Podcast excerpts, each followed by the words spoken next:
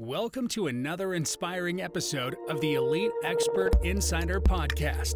Hosts Melanie Johnson and Jen Foster are the owners of Elite Online Publishing. They're both Wall Street Journal, USA Today best-selling authors. We're really glad you're here because this podcast was designed for you. Meet industry experts that share their secrets and strategies. Get successful results for your business in money, relationships, health, and your life. Each episode is going to inspire you to take action towards reaching your greatness. Hey everyone, it's Melanie Johnson. Thanks for joining us for another show today. I've got my business partner here, Jen Foster. Hey, Jen. Hey everyone, how's it going today? So we hope you're having a great day. You know, the markets have changed so much. We are going to learn about cryptocurrency today. We're diving deep into this with an expert. Jeff Sekinger is joining us. But I have so many questions. I mean, I've invested in crypto. My family's invested in crypto. You know, do you take crypto for your business? Do you not take it? Oh my gosh, now it tanked with the stock market. Is it still a good investment? Which ones do I invest in? Mm-hmm. All right, you want to know the answers to all those? We have them for you today with Jeff. Jeff, thanks for coming. Yeah, absolutely. Thanks for having me. Excited to be here. Jeff, tell us a little bit about yourself and how you got into this market. Yeah, so I actually bought Bitcoin back in 2013. I was like, it was a, a hot trend. It was kind of when I was in college, actually. And then when I left, I sold it a year later. So I'm not a Bitcoin billionaire yet. But later, I finished my finance degree. I went to JP Morgan. I got licensed and I was in asset management. And I realized that I was just naturally gravitating towards crypto. And that was kind of in 2017 when it went, when Bitcoin went from 1100 to 20 grand. So mm-hmm. there was a lot of buzz around it. And when that happened, I used that time to do research into what blockchain is and cryptography is and what mm-hmm. the potential use cases were, because it was all just strictly speculation back then. Uh, mm-hmm. Now we have a little bit of, of utility um, now in 2022. But I realized that it wasn't just going to be a trend and a fad that, that went away. So I ended up leaving JP Morgan in 2018 and then started my first hedge fund in 2019. So we've had our, our first, or we've been over three years old now, and also run a, an education business that educates, you know, entrepreneurs and investors about uh, specifically digital assets and investing in general. So grown a lot recently, and obviously super volatile asset class. So excited to be here. So, where do you think we are in the market right now? I mean, it's been crazy just the last year or so. Well, actually, since March, like March, we were at 40 some odd thousand for Bitcoin, and now it's been down at 19, and everything else kind of went along with it. Where would you say we are now?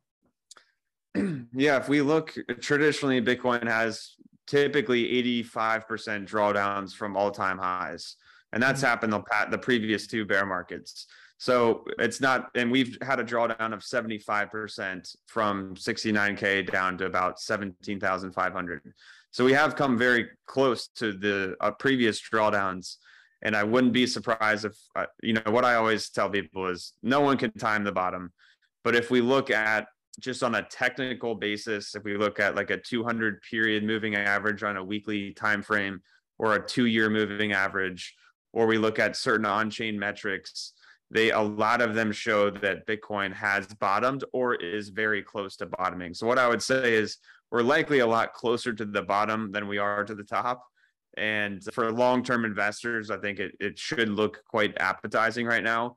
The X factor is what is happening in the macro economy and how is that going to impact Bitcoin and digital assets? Because mm-hmm. we've never seen a true recession you know, we haven't had a, real recession in 13 years and Bitcoin's 13 years old. So we've never really seen how these assets behave during an app an actual recession.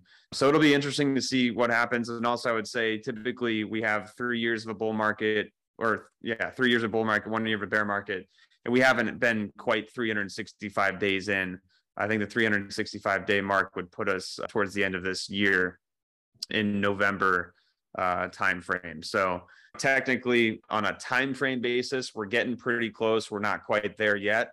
If we look mm-hmm. at technicals and on-chain metrics, a lot of them do point that we're at we've had the bottom or we're very close to it. What would you tell people that are skeptical about cryptocurrency and still haven't invested in it? I have a few friends who are just like, well, I, I would never buy crypto. I don't understand it. Or Or I see that the numbers are always going down, but that's not true, is it? So tell us about a little bit about that. Yeah, I mean, Bitcoin, even with its drawdown, it's still up over 100% compounded annual growth rate over the past decade. So that is quite extensive. If you have anything that grows 100% over every year on average, not every single year, but on average over a decade, that's a really big deal. So it all depends on the time frame that people are looking at the asset. And what I would say is you what you really want, I always think back to this Jeff Bezos interview where he mentioned that you know, during the tech bubble when everything sold off, Amazon went down like 96%. And he was looking at his stock price just tanking, but he knew that fundamentally Amazon.com was growing all of the metrics of users and everything that, mm-hmm. that he put value on. That was all growing underneath the stock price dropping. So he knew it was going to be a really big deal when, you know, the overall markets recovered and they saw the value in Amazon. And then obviously it's grown just massively since then. So that's actually what you want as an investor. You want prices going down and fundamentals growing. And I'll say, like, you know, about the biggest fundamental shift that we've had. I mean, we just had Binance partner with MasterCard last week and roll out payments through their credit cards to actually use more than a dozen cryptocurrencies as payments with one of the biggest you know credit card companies in the entire world. We had BlackRock, which is a ten trillion dollar asset manager, which yeah. is ten over ten times the size of all of crypto combined. They rolled out Bitcoin trading to their biggest institutional clients, and they partnered strategically with Coinbase.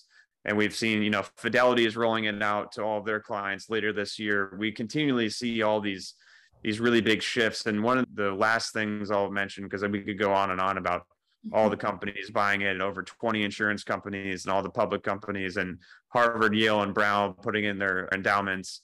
Wow. The big thing that we've seen, the reason why crypto has lagged is because there's no regulatory clarity.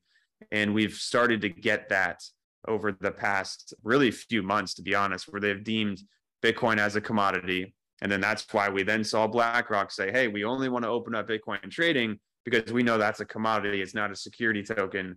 And now we're starting to get the SEC is starting to give a little bit more clarity on what is a security, what's not a security, which then allows ins- the big institutional money, the trillions and trillions of dollars to come in. So we're right on the tipping point, in my personal opinion. And I think if you've got a perspective long term, we're in a really good spot that should look pretty attractive. So we've talked a lot about Bitcoin. What about the other coins? You know, that's where I think a lot of the confusion comes in and people get into these trash coins, so to speak, and, you know, up and down. What is your suggestion on those? And what are other things that you like? Yeah, I, I think it's, it can be really quite confusing when people don't understand what could be valuable in the future for us, what we really like to invest in is we like to make data driven decisions. And a lot of these coins don't have a lot of data behind them and they're extremely speculative because, like, a lot of them are just like governance coins where you hold the coin and you can vote on an upgrade to an overall, you know, protocol. What I would mm-hmm. say before I even dive into this is you got to realize when you're investing in businesses, it's completely different. You're investing in like a, you know, a cash flowing business and it, what the thing you need to separate is we're no longer investing into companies we're investing into protocols and that's a, really a piece of mm-hmm. code that and a lot of them can replace you know agencies and companies and central powers even because we're starting to see things being used as as an actual currency so that's the first thing is from an investing standpoint you have to make a, a decision to say hey i'm making a piece of my portfolio protocol based not you know eh, this isn't a traditional equity and i can't value it the same way. One of the ways that we do like to value different coins is by the metrics behind the blockchain. So how we look at like ethereum for example is that's an open source protocol very similar to like aws amazon web services. You can go host a website you can go build an application on top of there the same thing works with Ethereum. You can go build out any type of application. It's called a smart contract. You can develop your own smart contract to do mm-hmm. whatever you want it to do. And there's infinite use cases. And, you know, I could give a, a few examples if you want me to, but what you're betting on is you're betting on the growth of that ecosystem and that platform expanding. So the things that we look at is like number of new wallets coming on the Ethereum network, number of active wallets on the Ethereum Mhm. network, number of transactions. We want to obviously see the transactions growing, number of NFTs being minted on on the blockchain. There's quite a few different things we can look at, and the reason why that gives the ETH coin value is because each transaction on the blockchain uses the ETH coin as a gas fee. So there's little fees involved on each transaction. So the more transactions, the more developers building on top of Ethereum, the more people using Ethereum, that uses the coin as a gas fee. So hmm. it overall builds and grows the adoption. And it's also used as that native currency within inside of that ecosystem. So you're really building like an ecosystem that has like a big network effect and it's kind of its own like ecosystem. And that coin continues to get more and more value and utility as that ecosystem continues to grow. And Ethereum just made a change collectively to actually all the gas fees now, they're actually taking those fees and they're burning the ETH coin. So that's another important metric that we look at. What's what are the what's the coin metrics look like? We want we don't want to see something that's infinitely, you know, being printed like the US dollar. We would prefer to have things that actually reduce supply. So Mm. the more Ethereum is being used, the more that they're actually burning the coin, which means reducing the supply, which is obviously really good for price. Just so you guys know, those are called layer one blockchains. So they're their own blockchain and they have their own native coin. The majority of crypto does not have their own blockchain. So we do a lot of research into these different blockchains that have their own coin to make sure that the fundamental metrics underneath are growing so that we can then say, okay, yeah, that coin could actually have some value in the future because we see all of the metrics growing. But a lot of the other coins are complete nonsense. There's over 20,000. A lot of them don't do anything. And there's no way to like value them. So it's it can be quite confusing for people that don't know how to like separate or what to look for. Yeah. What would you say for business owners? Like, I see more and more people accepting cryptocurrency as payment. What do you think the future of that looks like? And should business owners be looking at doing that? Yeah, I think it's pretty wise because you can just bring in a whole new customer base. So like there's really easy merchants that you can use. I think it's called Coinbase Commerce is what it's called and you can just enroll with them and I think it's a really small fee very similar to the merchant processing fee and you accept crypto and they can convert it to fiat currency and send it to you. So um, I think it's really wise to accept it as a business and you don't have to be worried about the volatility because number one, you can accept a stable coin, or number two, you can just go something with like Coinbase and just accept that. And like another thing that shows adoption, but is also in the payments realm, is a Strike is a, is an application that you can go download on your phone. But they're a, somewhat of a recently new company that they rolled out to over 60 merchants in the United States. So you can use through the Square Cash app, actually, even you can go scan a QR code and pay for whatever you're buying. A coffee, if you're getting Chipotle, if you're going to Whole Foods, you can pay for things with Bitcoin. And the Strike app actually use it for the Bitcoin through something called the Lightning Network. So it happens instantly. And then it converts it to fiat and pays the merchant with the retailer, the business with no merchant processing fee.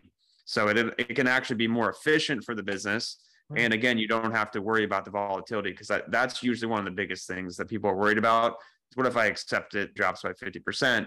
There's ways around that. So I, I think it's wise to open it up as a business because I think you'll just get more customers. Mhm. Mhm. What do you think about going back to the smart contracts?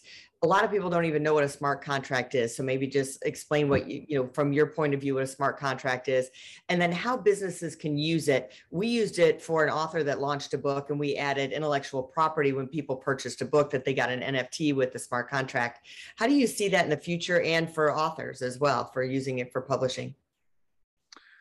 Yeah, we're actually building a platform that should be launching this month. We've been getting it developed for about six months now, but we also own some real estate and mine cryptocurrency as well. So what we're doing is we're actually tokenizing some of our properties and mining facilities. So what that means is we'll bring our deal. Let's say we have a, a million dollar mining facility. We bring that million dollar mining facility onto our platform. We tokenize it through a smart contract which we're using the Binance Smart Chain. Not that it really matters, but we're using that, which is mm-hmm. its own, you know, blockchain, right? So we're tokenizing that entire million dollar mining facility. And let's say that you go and you buy 10% of that mining facility, you're getting 10% of that mining facility that's in the form of NFTs. So they're non-fungible tokens, and you that goes into your wallet. And then on a biweekly basis, what happens is the income from that mining facility, which we use the net operating income, so after expenses, that that income passes through to all the token holders.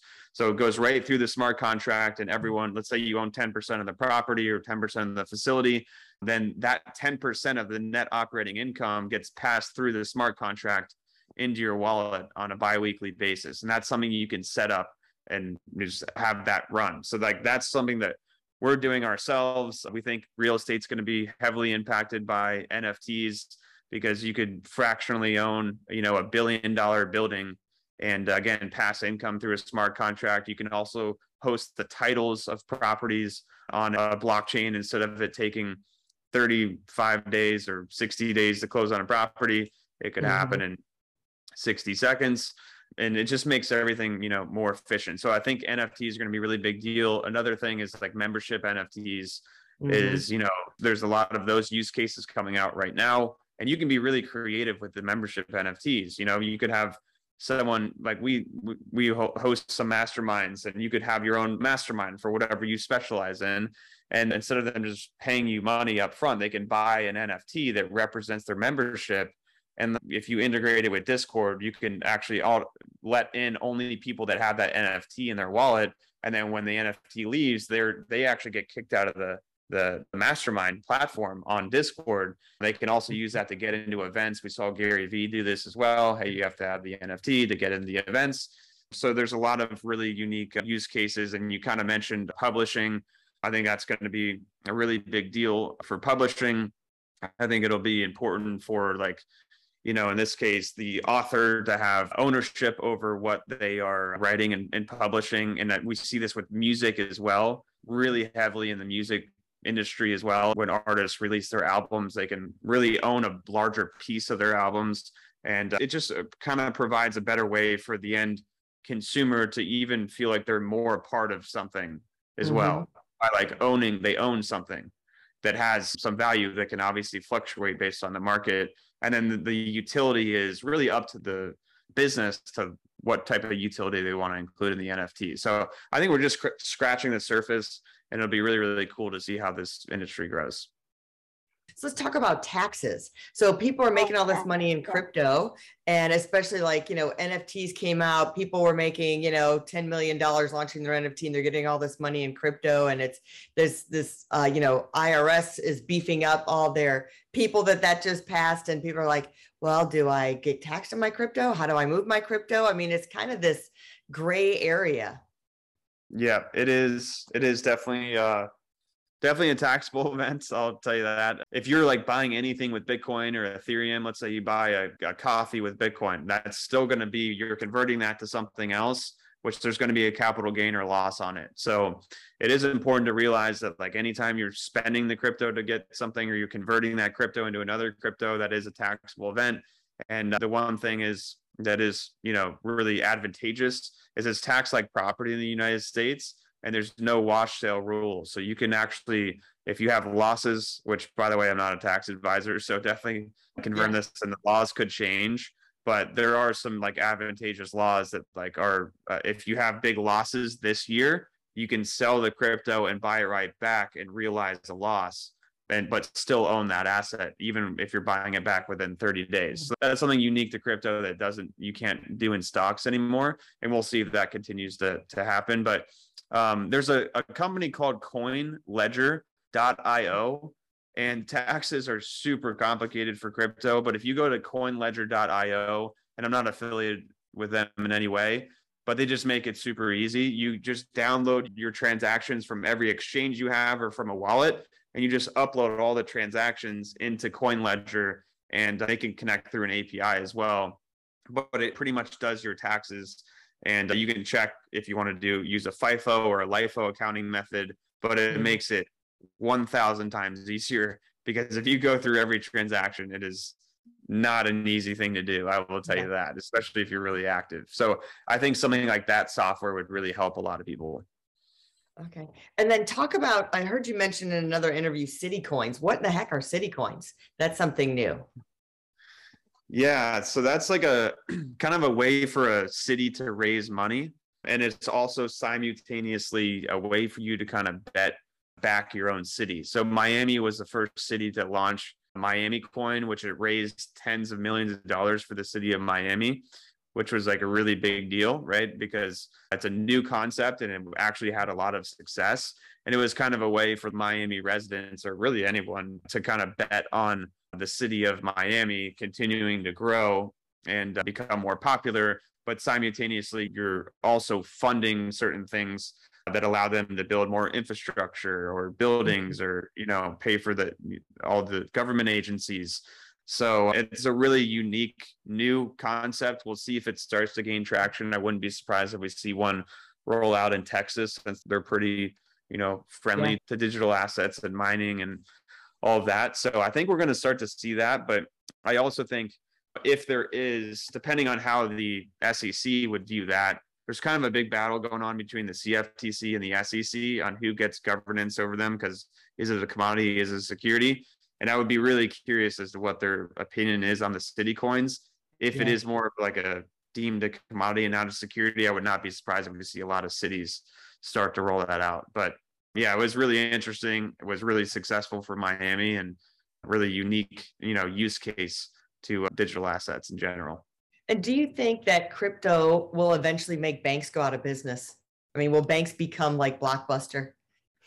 They need to evolve. I think they really need to evolve and start to like, for example, like we run different funds and it can become really difficult. We've had like two banks just randomly say, up, oh, we got to close your accounts because we're no longer working with any type of crypto companies. But then we've we see some newer banks, and like Warren Buffett just took a big stake in a crypto friendly bank on just buying equity in the company. But we're seeing some of these newer like fintech type banks like say, hey, we're okay to to service mm-hmm. some digital asset based companies. So I think if they are not coming around to it and accepting it, my thing is regardless of regulation, regardless of the current infrastructure that's in place, they have to adopt it because if they don't, they'll die. And I really think that the best technology is always going to prevail. And I'll say this last thing about banks is there's a big shift going on from Swift, the Swift banking system, over to a new language that all banks are going to use called ISO 222. You can go look it up. It's ISO 222. And there is a few blockchains that are approved.